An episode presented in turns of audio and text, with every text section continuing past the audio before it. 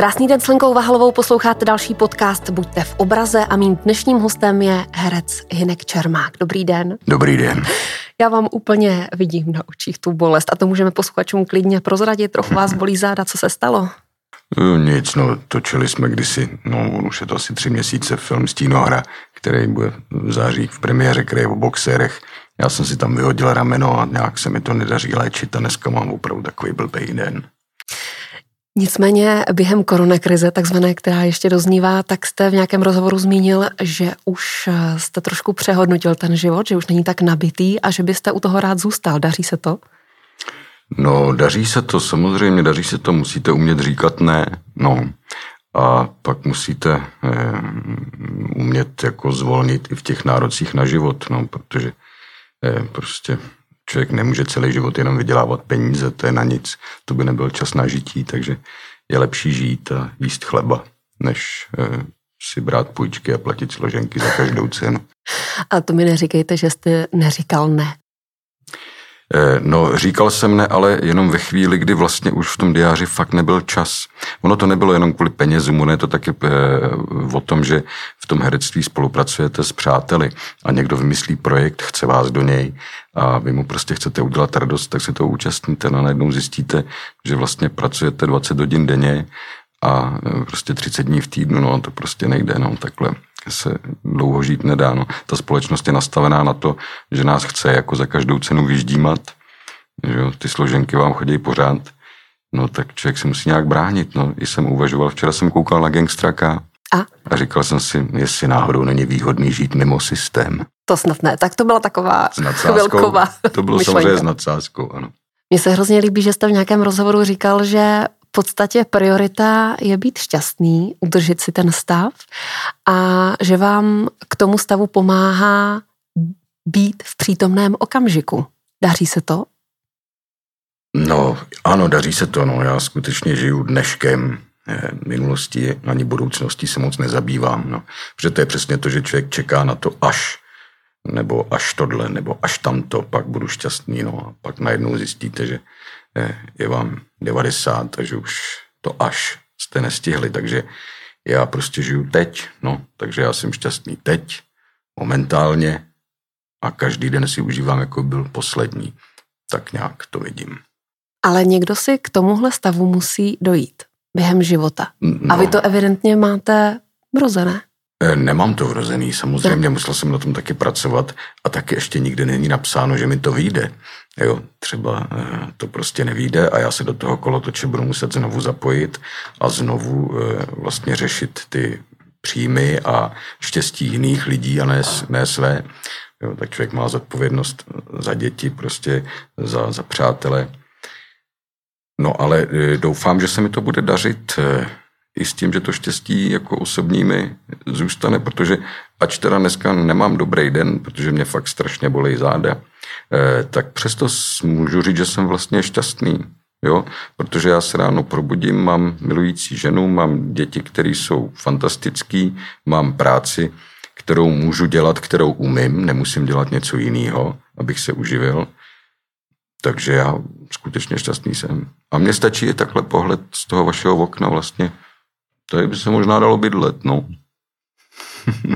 Pojďme do Davidského divadla. Zajímá mě jedna věc, jestli budete hrát eh, v rámci nebo na lesním nebo v divadle, v lesním divadle v Řevnicích, jestli tam budete s Davidským divadlem.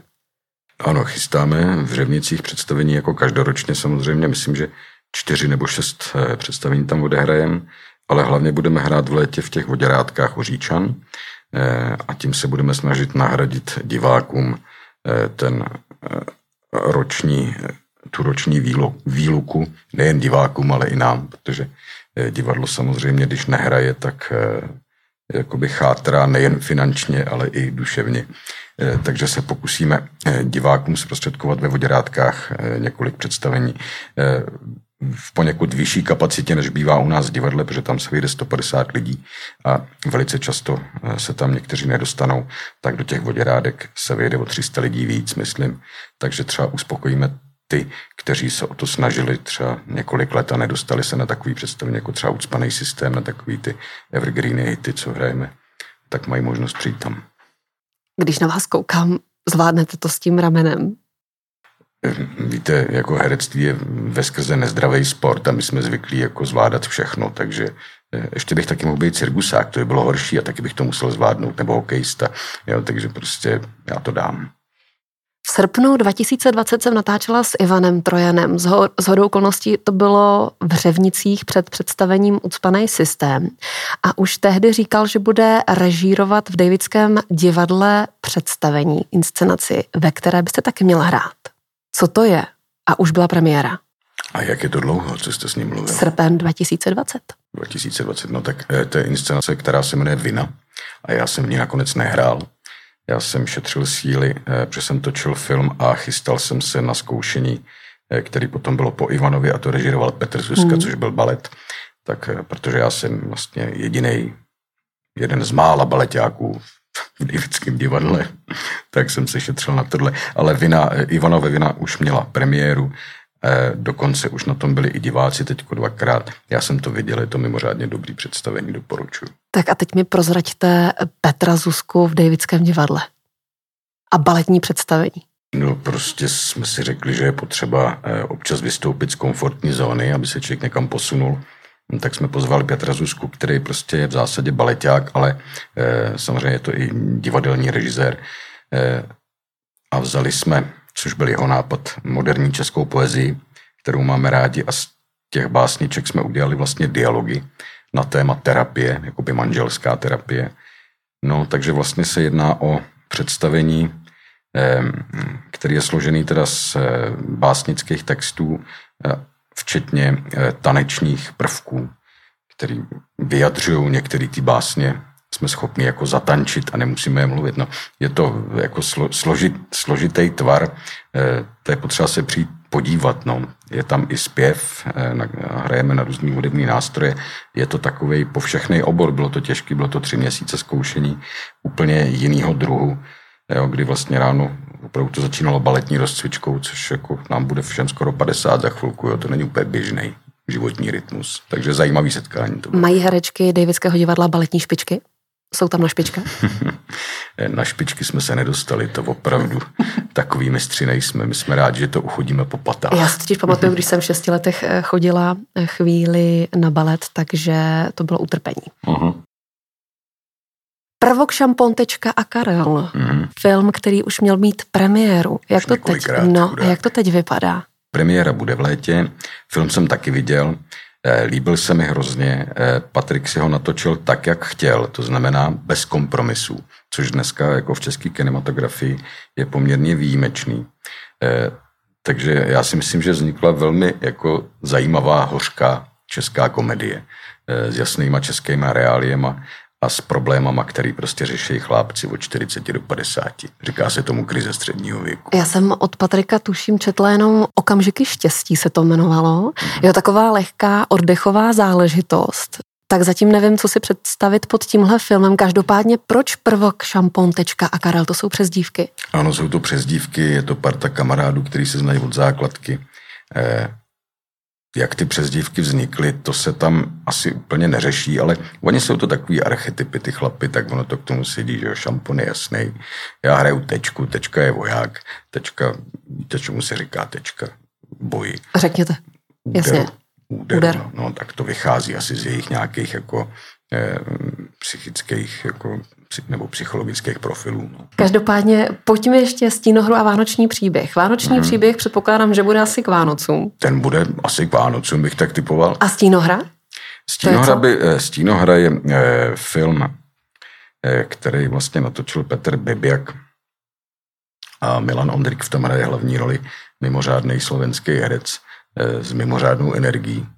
Eh, to samý teda ten Petr Bebiak, to, to je dvojka, eh, kterou jsem hrozně rád poznal. Eh, scénář napsala Vendulka Bradáčová, je to podle skutečného příběhu, nebudu nic moc prozrazovat. Je to samozřejmě z boxerského prostředí, ale jedná se ve směs o detektivku, poměrně smutnou a ještě ke všemu inspirovanou skutečným příběhem. Takže natočenou takovým noárovým způsobem. Eh, dokonce jsme to točili na materiál, což už dneska není úplně běžný. Eh, takže ta práce byla vlastně náročná, ale hrozně jako zábavná, protože eh, se vrátilo takový to tempo natáčení filmu, jak by mělo vypadat, protože když točíte na ten materiál, ten je drahý a je potřeba všechno si dobře připravit a rozmyslet, než eh, tu klapku dáte. Když to, když se točí na video, tak jak je to mazací, tak prostě můžete opakovat tisíckrát a to mnohdy není dobrý. Takže eh, tohle to si myslím, že by mohl být mimořádný film taky. Já mám takový pocit, že přesto, že byl koronavirový rok a spousta herců neměl práci, tak eh, vy jste toho zvládl poměrně dost. Už ne. mluvíme o třetím snímku. Vím, že se to točí hmm. průběžně a že jste začali točit i před eh, koronavirem, ale pořád mě napadá, kdy Hinek Čermák zvolní. No, toto je naprostý zvolnění, protože když eh, točíte film a můžete se věnovat jenom tomu filmu, tak je to fantastický, protože normálně to vypadá eh, tak, když je běžná doba, eh, že vlastně točíte film a večer jdete hrát představení. A to rázem z těch 12 hodin toho natáčení toho filmu, když tomu přidáte to představení a ty přejezdy tam a zpátky, tak máte 18 hodin práce. Jo, a pak chvilku spíte a další den znova. Takže jako točit film je vlastně luxus, když se jenom, jo, takže e, sice já jsem natočil tři filmy za rok, ale to je dohromady třeba 30 natáčecích dnů, jo, což během roku není za stolik. To e, člověk prostě zvládne. Takhle by bylo fantastický se živit, ale to bohužel nejde. I tak kde berete energii, jak se dobíte? Nejvíce dobím v přírodě. Já strašně rád cestuju, zejména třeba po Čechách, to mě baví. Eh, koukáním do ohně, hm, po případě debatou se svojí ženou nebo se synem nebo s dcerou, mám psa. No a když zrovna nemám něco s krční páteří, tak cvičím nebo si jdu zaplavat. No. A je i focení relaxace? Focení je specifický druh relaxace, protože tam musíte myslet eh, oběma hemisférama, jak tou uměleckou, tak tou technologickou. Samozřejmě, že mě to jako baví a uvolňuje, ale je to do jistý míry stres, protože se snažíte o nějaký výsledek. A ještě ke všemu eh, fotím akty, eh, fotím je třeba venku a to je docela adrenalin, když máte venku nahatou holku a víte, že prostě vám nesmí zmrznout, že by nebylo dobrý, aby to někdo viděl, aby eh, prostě ji okukoval tak. Takže to je docela adrenalin, který jako člověk musí zvládat. Jako baví mě to samozřejmě. No, ale je to prostě taky už druh jako umělecký práce, ale člověk si přitom krásně vyvětrá hlavu to herectví, to je pravda. Dokážete si představit, že byste přestal hrát a živil se focením? Ne, to si nedovedu představit, protože živit se focením je opravdu velice tvrdá a podle mě i špatně placená práce. No, pokud... že byste žil trošku skromněji. No, to bych mohl, to bych mohl, ale eh, vedle mě je milion skvělých fotografů a já nevím, proč bych jim do toho jako fušoval. To opravdu, to není můj obor, focení. Působíte na mě takovým klidným, vyrovnaným dojmem. Řekla bych, že jste skoro až flegmatik, ale v nějakém rozhovoru jsem se dočetla, že jste utekl z nějakého zkoušení kvůli konfliktu s režisérem. Je to pravda nebo ne? Helejte se, já vydržím opravdu hodně ale, a dlouho trvá, než mě někdo rozčílí, ale potom, když mi rupne v kouli, tak to je fakt zlý. Co vás opravdu nadzvedne ze židle? Eh, no dokáže mě naštvat jako srážka s blbcem, dokáže mě naštvat, když se mnou někdo jedná jako s materiálem, jako neúctivě, bez úcty, protože já se k lidem snažím chovat slušně. Takže to jsou věci, které mě opravdu nadzvednou ze židle. Eh, a to doslova, že jsem schopen i vystartovat a bránit se fyzicky. Bohužel při eh, mým typu a při mým povolání se mi poměrně často stává, že vždycky se najde někdo, kdo to jako na mě zkusí. Jo, mě třeba jako napadnout. Nevím proč, jako aby měl bod, že jako napad Jinka Čermáka, tak co pak máte dělat? No, tak se prostě musíte bránit a musíte se bránit účinně. Jo, takže to jsou takové situace, které mě lezou na nervy, no, ale každý máme něco. Když jsme byli u té tečky, dal jste někomu tečku? V životě já? Hmm? Moc krát. Vždyť jsem se tím živil. já vím. My jsme ve finále. Jaká je taková vaše ideální představa? Já vím, že žijete přítomným okamžikem, že je to ta správná volba, ale jaká je taková jako ideální představa Hinka Čermáka, kde se vidí třeba za pět, deset let? Za pět, deset let, no možná by mě, možná by mě bavilo eh, režisérský křeslo. Fakt? Hmm. A možná by mě bavilo eh, dokončit eh, rekonstrukci naší chalupy, která se zatím moc nedaří, ale tak to jsme věděli, že to bude běh na dlouhou trať. No a klidně bych ještě den dal s kočárkem. Kdyby se mi narodil nějaký syn nebo dcera, tak by mě to, to by mě bavilo. Myslím, že bych si to v těchto letech užil. Dům a mimino, to je hodně reálné, to si dokážu představit. Zaujala mě ta režie, filmová nebo divadelní? Obojí. Obojí by mě asi bavilo. Eh, v životě jsem to už zkusil, jak divadelní režii, tak filmovou režii. Eh, takže, ale říkal jsem si, že chvilku počkám, že to chce víc zkušeností. No a myslím, že se, za dva roky mi bude 50, tak to už bych třeba mohl vědět, co chci. Nesklouzl byste k tomu, že byste třeba předehrával, tak jak to někteří režiséři dělávají? No, předehrávat můžou režiséři, kteří jsou herci. Jo, no, protože... jste taky herec, no, právě, No, jasně, no, no, no, no, no. E, e, já bych nepoužil slovo sklouznul. Eh, ono je to někdy docela dobrý. Při té komunikaci s hercem, eh, ona ta tvorba situací, eh, což je základní, jako eh, co by ten režisér měl ovládat, vytvořit tu situaci, to je to nejtěžší.